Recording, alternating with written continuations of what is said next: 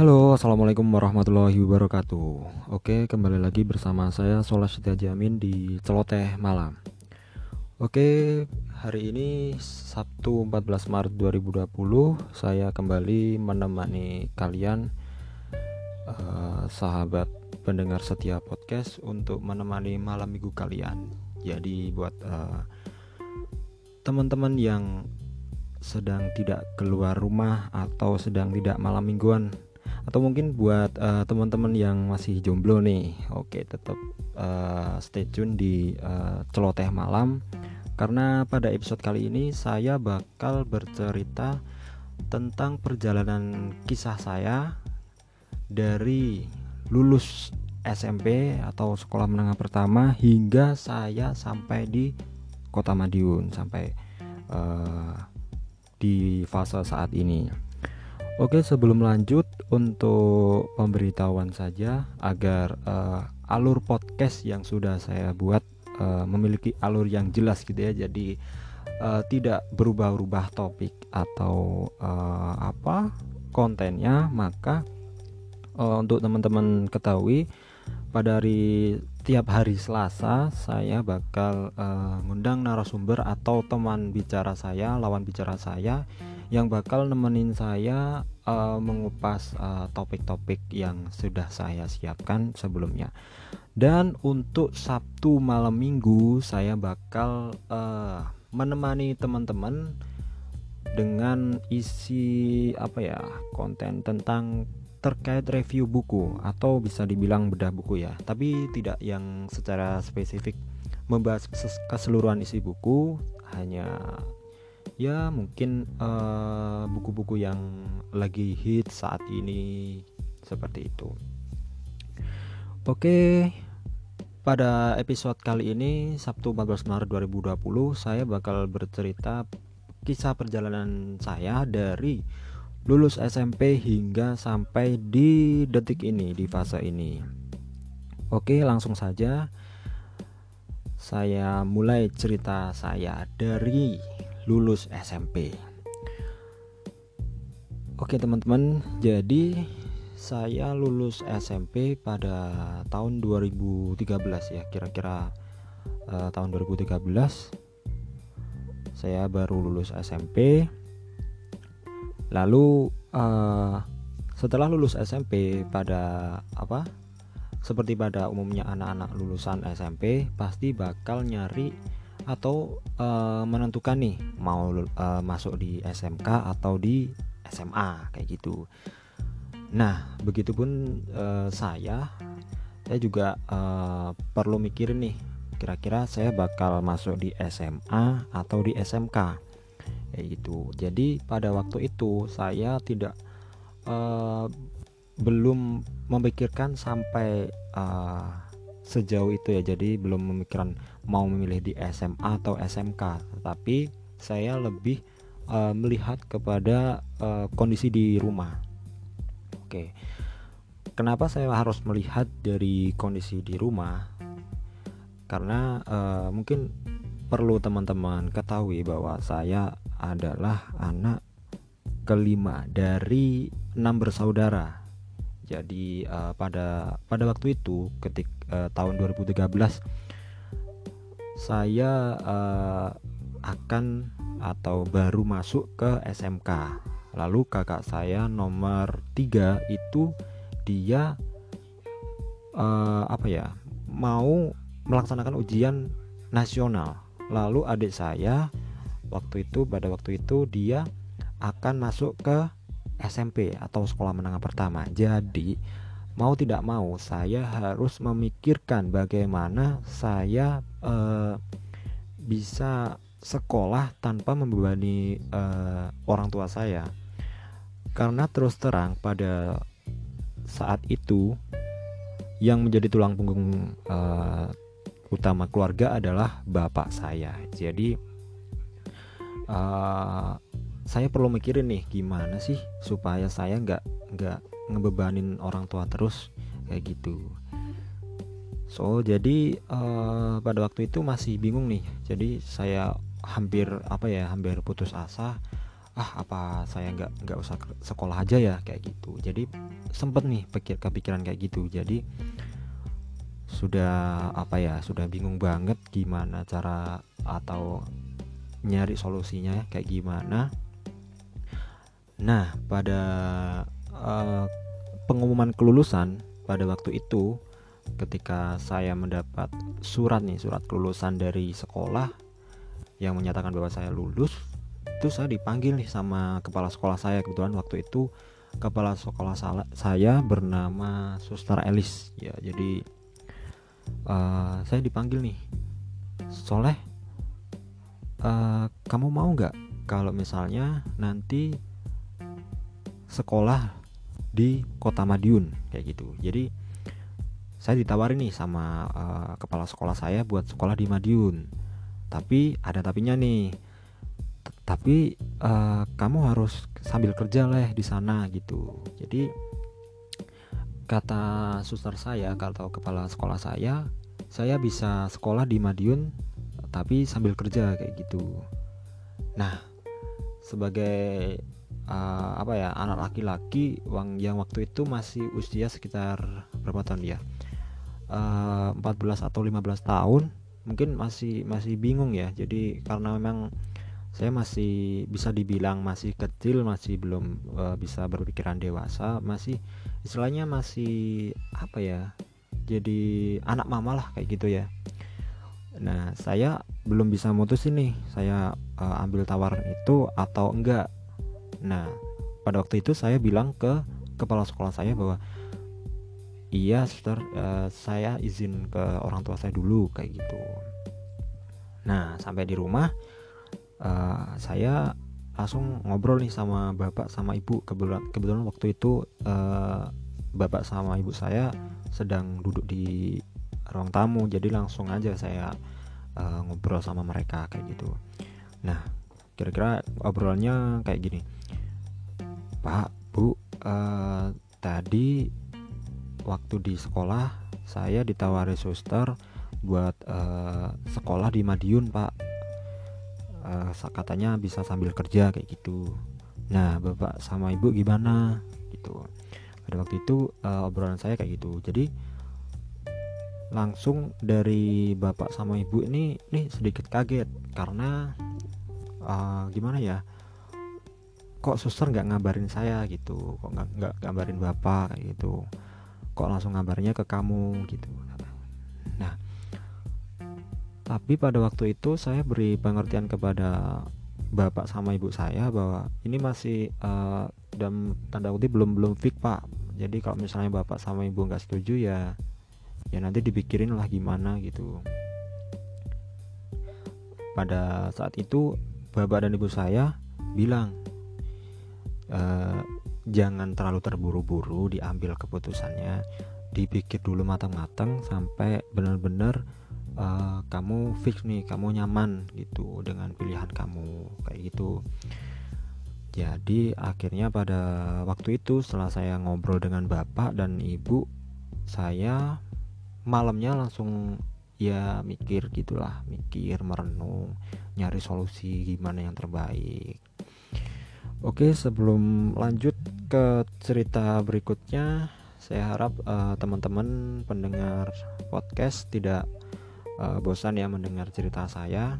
Mungkin bagi teman-teman yang penasaran biar uh, bisa terobati dengan uh, rasa penasarannya.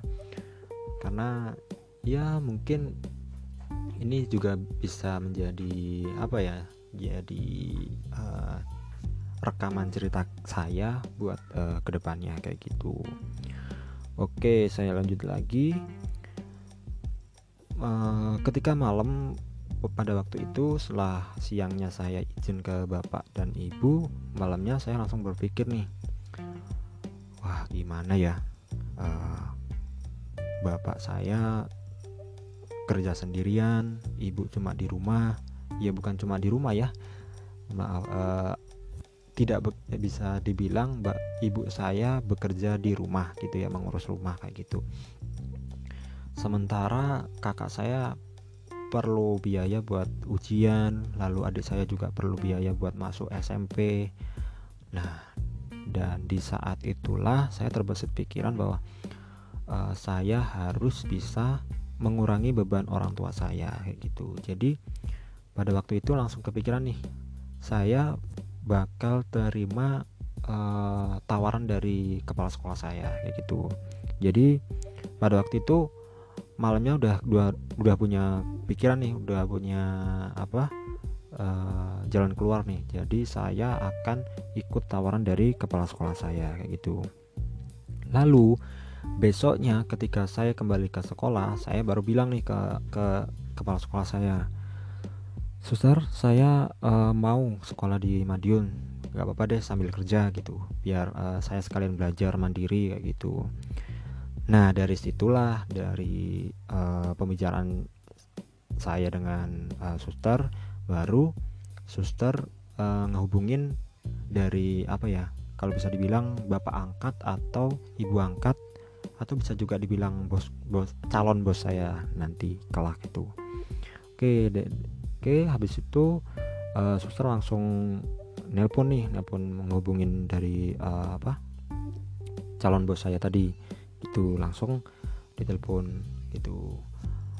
Oke ngobrol-ngobrol-ngobrol sampai akhirnya uh, ketemu kesepakatan bahwa saya bakal uh, sekolah di Madiun. Nah untuk jenjangnya saya pada waktu itu milih buat sekolah di SMK atau sekolah menengah kejuruan. Pada waktu itu saya ambil uh, teknik pemesinan karena memang apa ya pada waktu SMP ya mungkin kelas 1 atau kelas 2 waktu libur sekolah hampir tiap libur sekolah ya kalau bisa dibilang itu saya selalu kerja di tempat pengelasan. Jadi di bengkel pengelasan kayak gitu buat uh, nambah-nambah uang jajan nambah-nambah buat bayar sekolah kayak gitu. Jadi uh, dari mulai SD mungkin SD kelas 6 sampai ke SMP kelas 3 atau bahkan sampai sekarang tuh hampir selalu belajar buat uh, mandiri. Jadi jadi apa ya jadi pribadi yang mandiri gitu nggak nggak nyusahin orang tua gitu. Jadi akhirnya saya milih sekolah menengah kejuran kayak gitu. Oke lalu pada waktu itu uh, saya harus uh, mempersiapkan nih mempersiapkan buat uh, perjalanan saya atau perpindahan saya dari Pacet atau di Kabupaten Mojokerto menuju Kota Madiun kayak gitu. Jadi udah persiapan banget tuh. Dari mulai baju lalu uang saku lalu apa ya segala, semua segala sesuatunya sudah dipersiapkan kayak gitu. Sampai tibalah saya berangkat ke Madiun. Oh ya sebelum uh, di Madiun atau sebelum berangkat ke Madiun sebenarnya uh, saya masih punya tanggungan nih. Karena pada waktu itu uh, apa ya saya masih diberi kepercayaan buat uh, ngejagain atau ngerawat uh, kambing ya.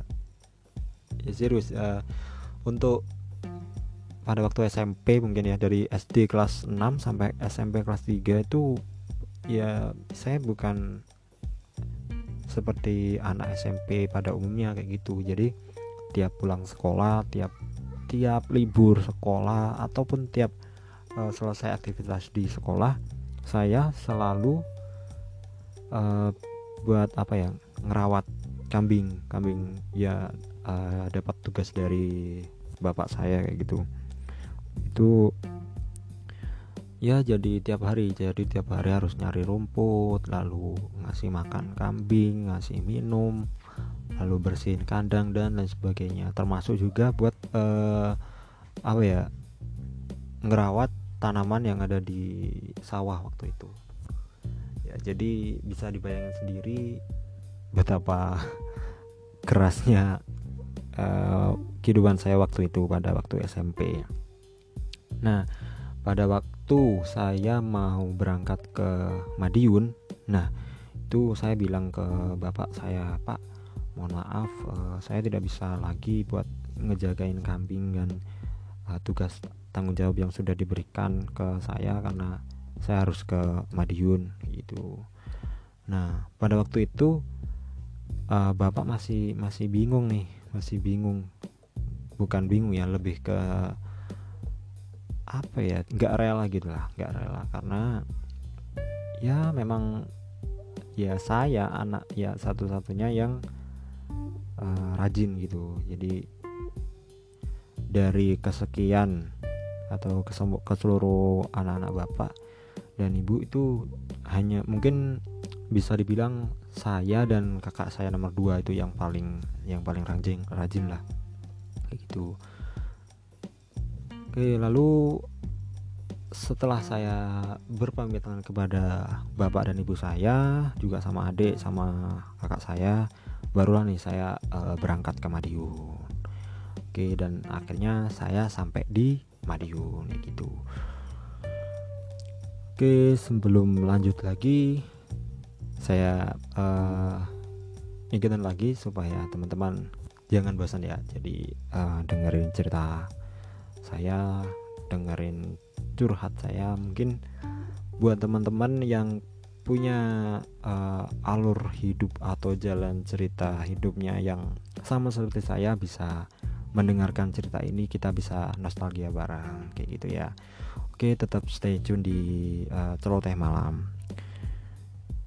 Oke lanjut lagi uh, ini sudah uh, ketika pada waktu itu sudah masuk di kota Madiun. Jadi gimana sih uh, kehidupan saya setelah uh, keluar dari desa Pacet lalu masuk di kota Madiun kayak gimana sih uh, perjalanan saya selanjutnya? Apakah masih dengan uh, berkutat dengan uh, apa kambing atau dengan pekerjaan-pekerjaan yang lain? Ya mungkin tetap ditunggu ya. Pada saat saya masuk di kota Madiun, hal yang pertama saya bayangkan adalah saya bakal uh, hidupnya hidup saya bakal beda jauh nih kayak di kota Pacet. Berbeda jauh. Akan tetapi tetap ada apa ya kekhawatiran buat saya. Karena uh, apa ya jauh dari orang tua terus belum pernah sebelumnya belum pernah ke kota Madiun dan nanti bakal kayak gimana juga masih belum punya gambaran saya.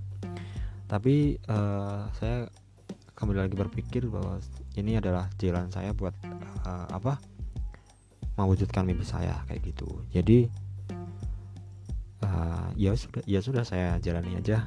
Udah di Madiun udah uh, berproses dari SMK sampai sekarang. Nah, pada waktu uh, saya sudah tinggal di kota Madiun, pertama kali yang saya lakukan pada waktu itu saya adaptasi. Ya pertama ya seperti pada umumnya orang lain kalau uh, di tempat baru pasti bakal adaptasi terutama di tempat yang belum pernah dikunjungi belum pernah didatangi sama sekali. Nah uh, pada saat di Madiun yang pertama sekali saya rasakan adalah berbeda banget ya berbeda banget kalau di Pacet itu uh, desa banget asri terus dingin terus apa ya penduduknya ramah-ramah saling bisa main ke mana-mana lah.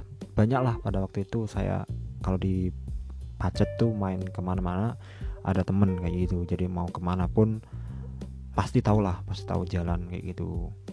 Nah sementara di kota Madiun saya harus e, beradaptasi nih wah udah panas lalu apa ya belum pernah e, ke kota Madiun. Apalagi e, lihat jalannya kayak gitu wah ampun deh pusing kayaknya. Terutama juga nggak nggak punya temen sama sekali kayak gitu. Jadi ya salah satu apa ya tantangan buat saya sih kalau masuk di kota Madiun. Nah pada akhirnya saya uh, mulai menikmati nih. Ya mau nggak mau harus menikmati lah menikmati uh, hidup di kota lain di kota Madiun yang bukan sehari harinya saya hidup di dalamnya. Nah pada saat itu saya akhirnya uh, tinggal di Jalan Bali nomor 77 Kota Madiun. Itu ya mungkin buat warga Kota Madiun pasti bakal tahu dan hafal banget pastilah ya. Di di situlah saya dulu tinggal dari lulus SMP pada waktu itu tanggal eh tahun 2013 sampai tahun berapa ya? Saya lupa tahun 2017 2017 pertengahan kira-kira iya tanggal segitulah. Saya kurang uh, tahu atau kurang ingat tepatnya tanggal berapa bulan berapa gitu. Ya kira-kira tanggal eh, 2017 tengah pertengahan. Nah dari situlah kehidupan saya dimulai dan kehidupan saya yang berubah itu dimulai. Nah kira-kira apa nih yang saya kerjain apa yang saya lakukan tiap hari di kota Madiun. Nah teman-teman pasti uh, penasaran ya. Jadi uh, ketika saya di Madiun hal yang uh, yang menjadi tugas saya utamanya adalah ya yang pasti belajar lah ya belajar sekolah di SMK oh ya pada waktu itu saya di kota Madiun uh, sekolah di SMK Bonaventura 2 Madiun. Oke buat teman-teman yang mungkin bersekolah di yang sama dengan saya bisa uh, dengerin cerita saya. Oke lalu setelah saya di uh, kota Madiun saya uh, bersekolah. Lalu uh, selain sekolah kegiatan saya adalah juga bekerja nih. Jadi nggak nggak cuma ya seperti yang di diutarakan oleh uh, kepala sekolah saya bapak angkat saya ketika dulu waktu masih apa masih apa ya masih ngobrol-ngobrol lah kayak gitu. Itu kamu di sana bakal sekolah sambil kerja lah kayak gitu. Dan ternyata yang uh, jadi pekerjaan aku adalah saya menjadi penjaga toko pada waktu itu di kota Madiun. Jadi ya menjadi penjaga toko kelontong lah gitu. Jadi jual rokok jual beras ya macam-macam lah kayak ya pada uh, seperti toko kelontong pada umumnya kayak gitu buat uh, belanja kehidupan sehari-hari buat kebutuhan sehari-hari kehidupan. Oke okay, dan uh, saya ditugasi uh, untuk jaga toko hampir tiap hari kecuali hari minggu pada waktu itu. Ya jadi tiap hari lah kalau misalnya saya sekolah ya libur nggak uh, jaga paginya. Kalau udah pulang sekolah itu istirahat tidur lalu jam 4 bangun jaga toko sampai jam 9 dan itu uh, rutin saya lakukan. Lalu tambahannya lagi adalah pagi saya harus uh, bangun pagi nih jam 5 pagi atau enggak jam 4 pagi ya setelah uh, sebelum sholat subuh ya sekalian sholat subuh lalu sholat subuh sholat subuh dulu baru saya mas uh, apa belanja di pasar waktu itu. Jadi belanja buat kebutuhan di toko barang-barang yang habis uh, yang perlu dibelanjakan buat uh, apa ya buat dijual lagi kayak beli rokok beli uh, gula lalu beli ya macam-macam ya kayak uh, beli kopi dan lain sebagainya itu saya tugas saya. Jadi selepas subuh selesai sholat subuh baru saya ke pasar belanja belanja itu tadi. Sampai nanti eh, kira-kira setengah tujuh lah setengah tujuh pagi itu baru saya pulang baru mandi mandi berangkat sekolah. Lalu berangkat sekolah sekolah sampai jam 12 atau jam 1 jam 1 pulang istirahat jam 4 jaga toko sampai jam 9 malam atau jam 10 malam lalu tidur jam 5 pagi bangun eh jam 4 pagi bangun lalu belanja lagi dan seterusnya kayak gitu. Itu rutin banget tiap hari tiap hari kayak gitu.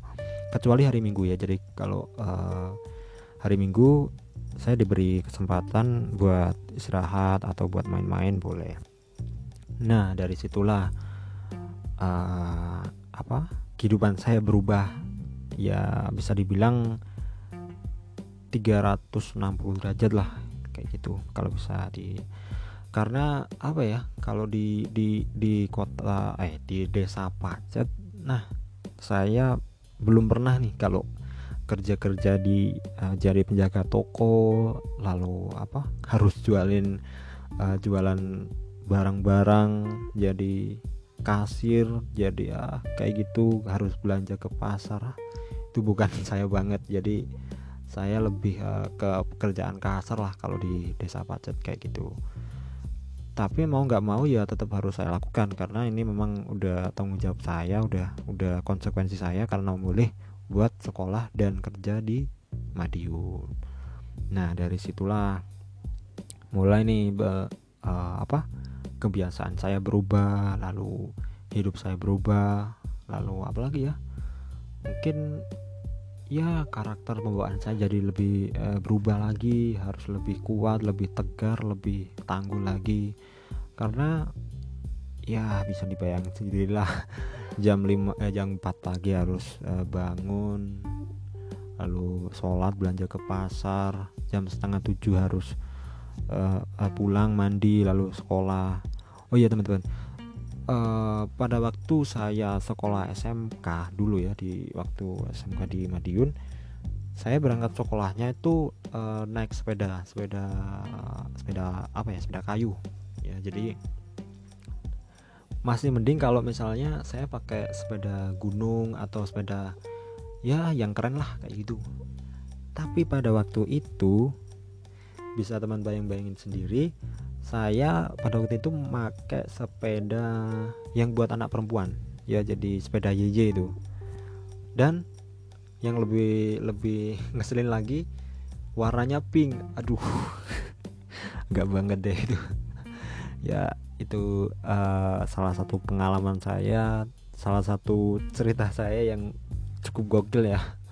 Jadi saya tiap hari harus uh, ngontel ya kalau orang Jawa bilang ya pakai sepeda YY itu sepeda warna pink yang yang setir atau setangnya bengkok gitu ya yang bentuk U itu. Ya kayak gitulah. Itu hampir tiap hari. Sampai uh, saya menginjak kelas 2 2 SMK itu pada pada waktu itu masuk di uh, prakrin atau praktek kerja industri atau kalau orang familiar bilangnya PSG gitu. Jadi untuk jenjang SMK kan masih ada PSG tuh. Nah pada waktu itu baru deh saya uh, bawa motor dari desa gitu. Oke sambil saya istirahat sebentar. Jadi saya ingetin lagi buat teman-teman jangan sampai bosan ya. Jangan jangan uh, ganti channelnya uh, tetap stay tune di celoteh malam uh, buat teman-teman yang apa ya mau nih dengerin cerita saya cerita gokil saya cerita perjuangan saya sampai akhirnya saya masih bisa survive di kota Madiun sampai saat ini. Oke lanjut lagi. Uh, pada waktu itu saya di atau tinggal di Jalan Bali nomor 77 itu sampai tahun 2017 ya sudah saya sebutkan tadi. Nah pada waktu itu saya memutuskan untuk uh, keluar atau tidak hidup lagi di bersama mereka karena saya rasa saya sudah bisa hidup mandiri nih. Itu yang pertama. Lalu yang kedua pada waktu itu memang sedikit ada masalah sih dengan dengan uh, uh, bos saya lah atau saya bilang kayak gitu. Jadi ya ada something wrong yang membuat saya selalu disalahkan. Padahal itu bukan kesalahan saya melainkan uh, kesalahan dari cucu atau apa ya anggota keluarga dari bos saya itulah. Gitu. Jadi karena saya disalahkan terus jadi itu menjadi alasan buat saya uh, keluar dari uh, atau nggak tinggal lagi di Jalan Bali. Itu yang kedua. Terus alasan ketiga apa ya uh, ya mungkin bisa dibilang saya pengen uh, pengalaman baru ya pengen pengen pengalaman baru pengen punya uh, ilmu yang baru kayak gitu. Jadi akhirnya tanggal eh saya nggak nggak ingat tanggalnya. Kira-kira tahun 2017 pertengahan itu saya memutuskan buat uh, pindah atau keluar dari uh, Jalan Bali nomor 77 itu tadi ya nah baru setelah itu saya mesti uh, mikirin nih gimana selanjutnya uh, kehidupan saya. Bakal tinggal di mana bakal kerja di mana kayak gitu. Nah pada saat itu uh, kebetulan 2016 saya masuk kuliah di uh, Universitas Katolik Widya Mandala Surabaya kampus Madiun. Itu uh, masuk angkatan 2016 itu masuk semester 1 lalu 2017 nya saya keluar dari uh, atau nggak tinggal lagi di Jalan Bali 77 itu. Nah pada waktu tahun 2017 ketika saya memutuskan untuk uh, tidak tinggal serumah lagi dengan bos saya saya memutuskan buat kerja di pabrik pengolahan tempe. Jadi pembuatan tempe kayak gitu. Jadi uh, ada salah satu dosen saya itu menawarkan buat uh, saya kerja di sana jadi di di di, di apa pabrik tempe beliau. Jadi ya saya ambil lah karena saya juga uh, bodoh amat lah. Karena apa ya selagi kalau prinsip saya prinsip saya sih selagi pekerjaan itu menghasilkan uang yang halal tentu saya bakal uh, ikut nih saya bakal ambil kayak gitu. Jadi ya ya saya nggak nggak nggak bisa bayangin deh. Kalau saya nggak nggak dapat pekerjaan nggak dapat apa uh, pengganti pekerjaan saya bakal hidup gimana bakal biaya kuliah gimana itu udah nggak nggak bisa nggak uh, nggak kepikiran buat saya. Uh, buat uh, Budian atau Bu Katarina Dian Indrawati dosen saya yang waktu itu sudah memberi saya kesempatan buat kerja buat cari ilmu buat uh, nyari modal buat sekolah saya buat uh, makan dan kehidupan saya sehari-hari. Terima kasih dan saya ucapkan banyak-banyak terima kasih terutama buat semua keluarganya Budian ya yang udah baik banget sama saya gitu ya. Mungkin buat uh, buat Budian yang uh, dengar podcast dari saya bisa uh, apa ya dengerin lah keluh kesah saya uh, cerita hidup saya dari sam dari uh, semenjak tidak tinggal di Jalan Bali lalu uh, menetap dan apa kerja dengan Budian kayak gitu ya. Terima kasih Budian. Oke lanjut lagi. Nah pada waktu saya uh, kerja di Budian pada waktu itu saya kerjanya di bagian produksi. Jadi saya saya bagian di produksi ini di uh, belakang. Jadi yang bikin tempe masak kedelai lalu buang limbah kayak gitu. Itu itu badi, jadi di sampean.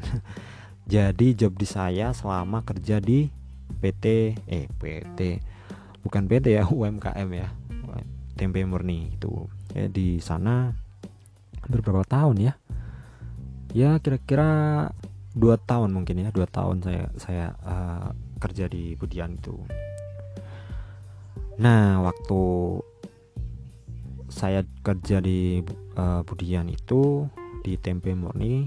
Nah, dari situlah saya semakin semakin belajar buat jadi orang atau anak yang tangguh. Jadi ya. Naik level lah, naik level lah bisa di, bisa dibilang gitu ya.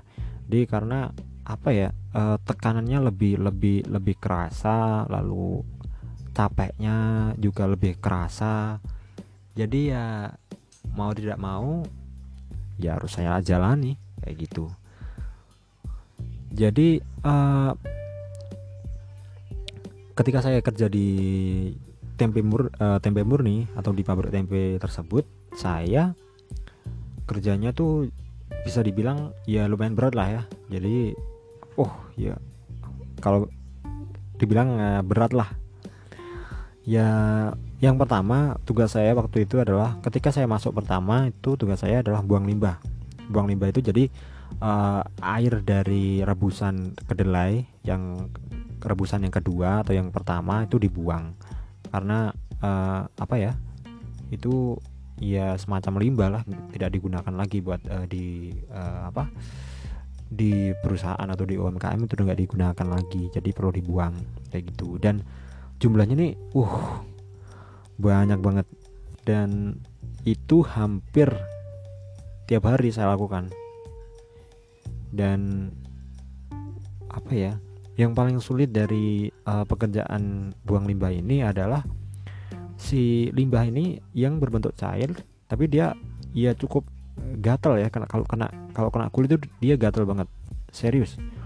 Itu kalau saya kena mata atau sampai kena kulit tangan itu harus dan wajib banget buat dicuci disiram air bersih kayak gitu. Jadi kalau nggak dicuci itu bakal gatel banget serius sampai bisa merah ya gitu dan terutama yang paling bahayanya itu ketika limbah yang baru diangkat yang masih panas. Wah itu bahaya banget itu.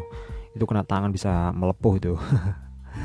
Ya ya gimana lagi ya buat uh, setiap pekerjaan pasti punya resiko masing-masing kayak itu nah selain uh, saya bertugas buat uh, buang limbah buang sisa produksi ya kalau bisa bisa dibilang itu saya juga uh, punya tugas nih buat uh, distribusi tempe yang sudah jadi. Jadi tempe yang udah jadi tuh diantar ke penjual-penjual. Biasanya saya uh, ngantarnya di pasar-pasar gitu pasar sayur gitu lalu di di, di apa uh, penjualnya langsung yang di rumahan kayak gitu saya ngantar juga.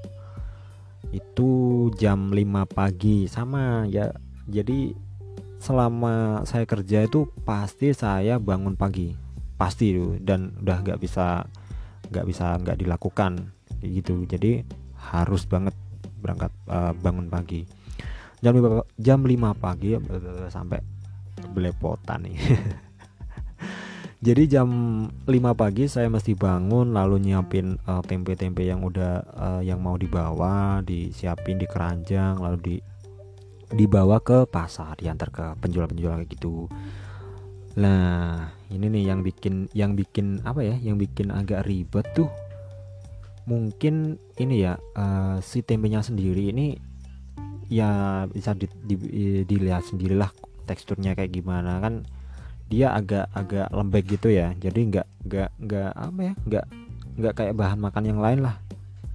Jadi rentan banget buat rusak dia. Jadi perlu banget buat hati-hati pas bawa uh, di motor gitu Nah, nggak cuma buat ngan, apa buang limbah lalu ngantar tempe.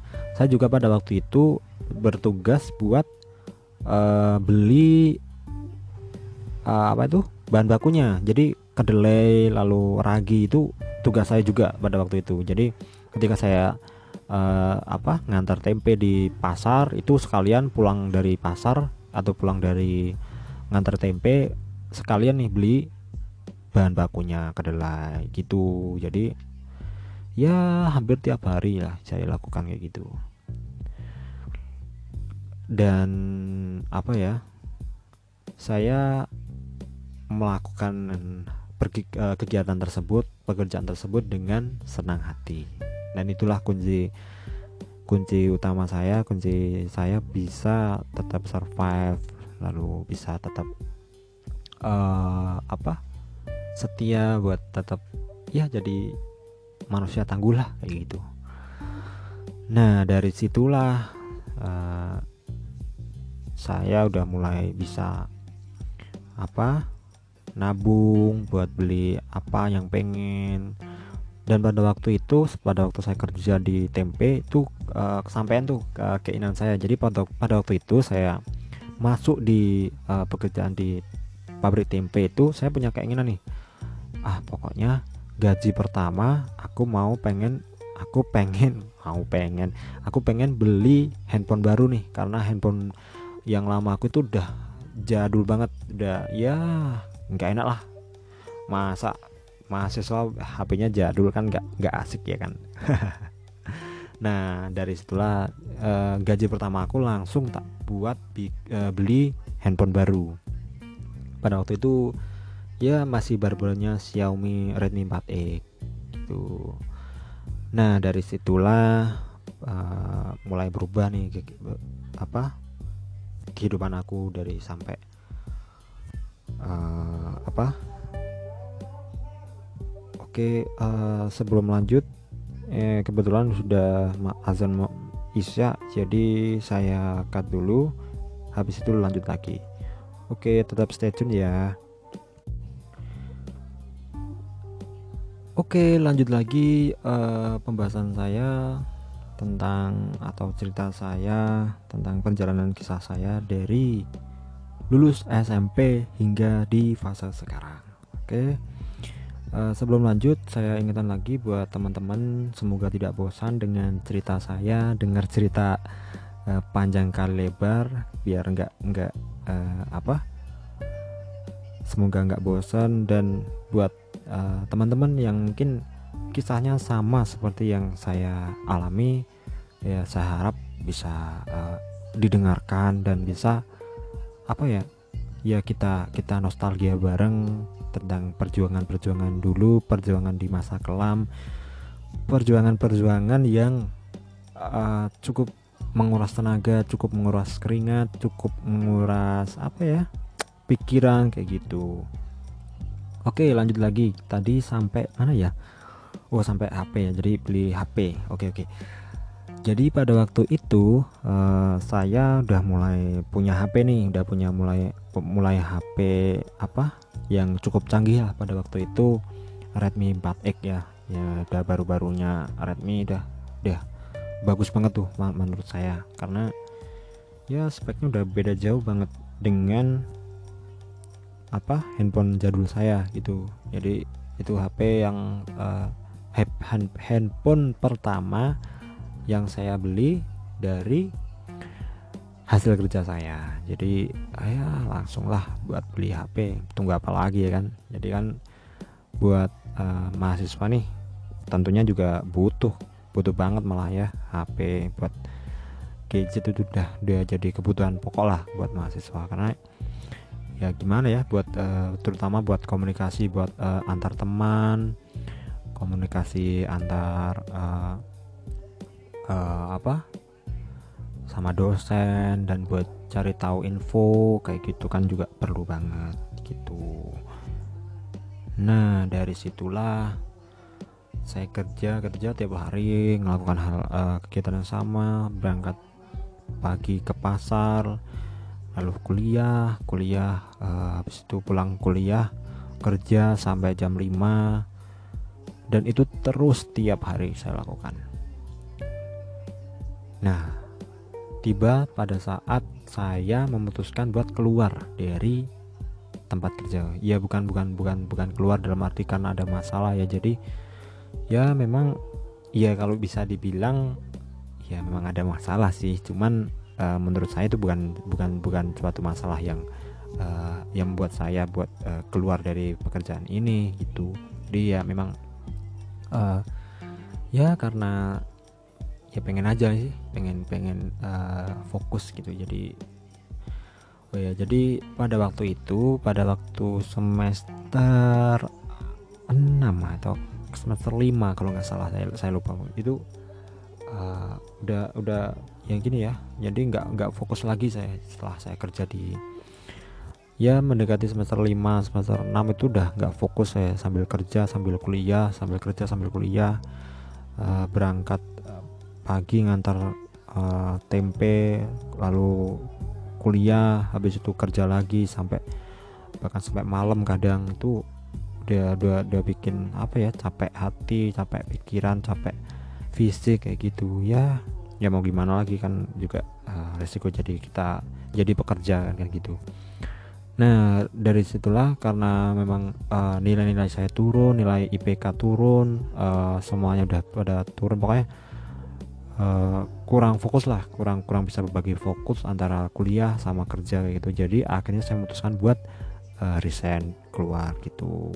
Jadi ya dari situlah saya udah nggak kerja lagi sampai sekarang akan tetapi uh, di sela-sela dulu uh, pas waktu kerja juga sampai sekarang pun saya masih aktif di organisasi di kampus. Jadi baik di kampus di luar kampus itu saya juga uh, termasuk mahasiswa yang aktif berorganisasi ya. Jadi buat teman-teman nih tipsnya ya buat teman-teman mahasiswa baru terutama yang masih semester 1 semester 2 atau semester uh, ini berarti semester 4 ya semester 4 semester 6 itu ini masa-masa kalian nih buat uh, eksis di organisasi. Karena kalian belajar tangguh belajar uh, bertanggung jawab belajar bisa dipercaya itu dari organisasi kayak gini. Jadi penting banget buat kalian buat mahasiswa uh, untuk aktif di organisasi. Karena ya ini salah satu modal modal besar kalian lah buat uh, di masa mendatang kayak gitu tapi uh, ini kembali lagi buat kalian kembali lagi kepada kalian apakah kalian uh, sanggup atau enggak. Jadi organisasi itu enggak enggak melulu apa uh, cuma datang kegiatan lalu pulang.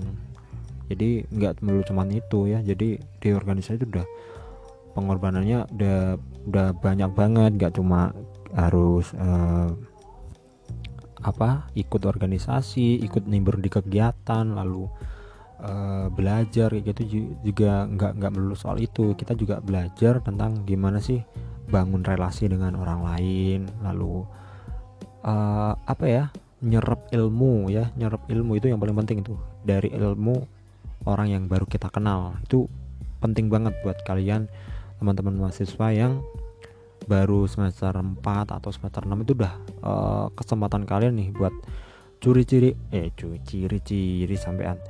Curi-curi ilmu dari teman-teman baru kalian nih terutama yang uh, mendalami satu kegiatan tertentu, satu aktivitas tertentu yang bermanfaat, yang terutama yang positif ya.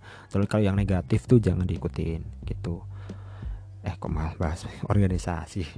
Sampai lupa oke jadi pada waktu itu saya memutuskan buat uh, berhenti kerja dan fokus di kuliah saya dan di organisasi saya. Jadi uh, pengalaman organisasi saya pada waktu di pada waktu di kampus itu kalau di kampus sendiri saya berapa periode ya? E, dua periode sebagai HMPS atau himpunan mahasiswa program studi teknik industri itu udah dua periode. Saya sebagai uh, koordinator humas hubungan masyarakat itu dua periode.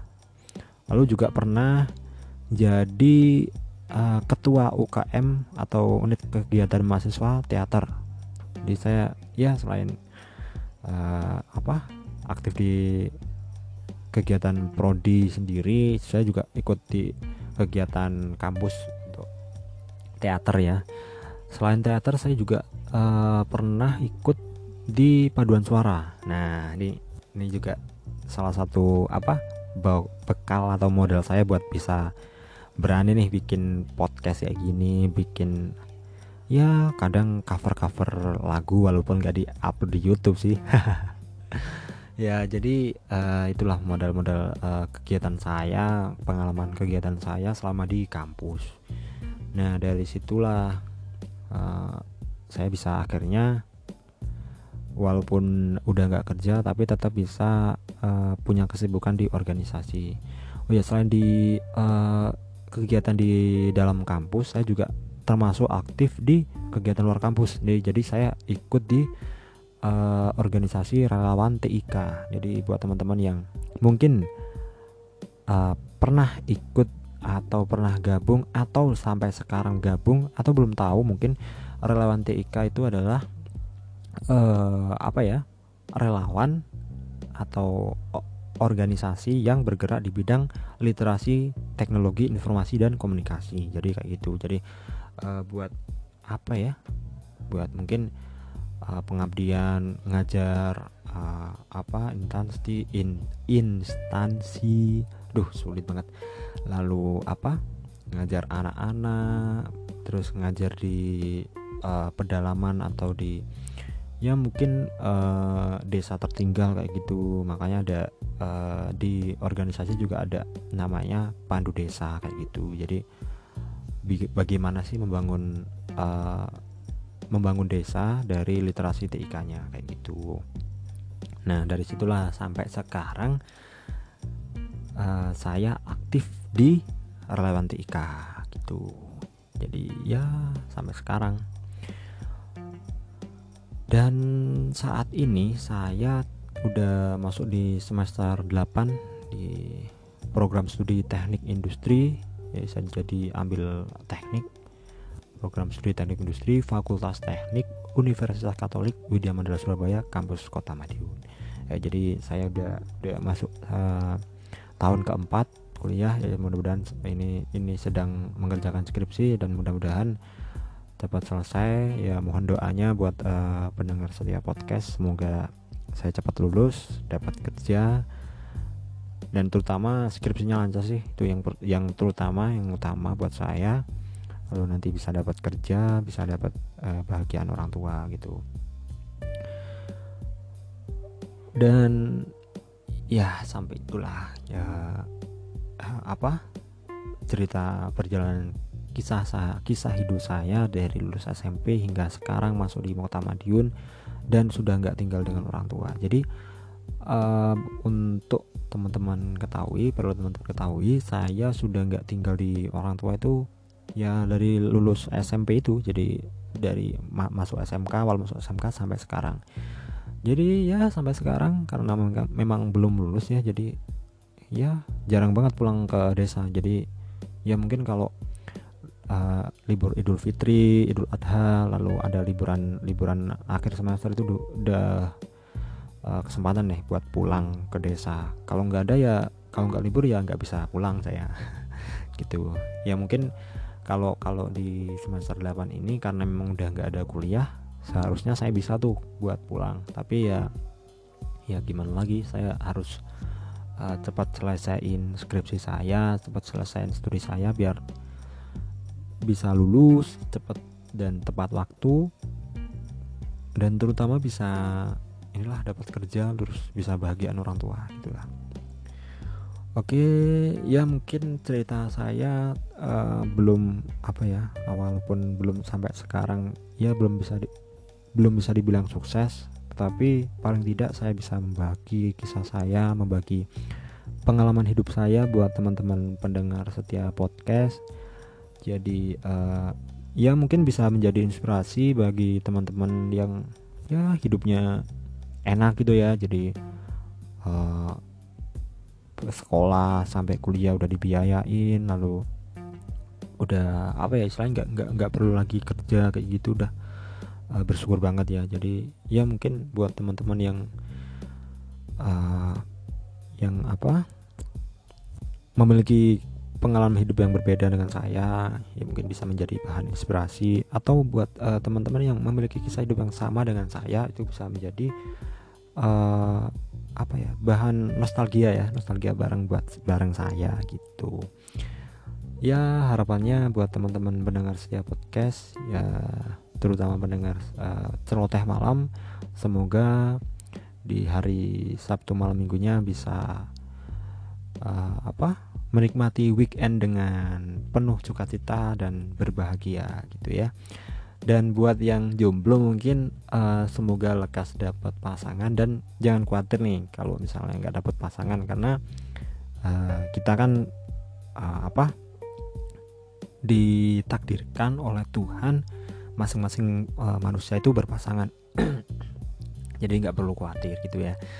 Buat uh, teman-teman yang uh, tetap stay tune di uh, depan TV mungkin atau lagi rebahan di kamar gitu semoga uh, apa weekendnya ceria semangat uh, berbahagia dan sukacita dan semoga kalian tetap uh, suka dengar podcast aku podcast yang mungkin menginspirasi kalian juga mungkin buat uh, menemani aktivitas kalian gitu.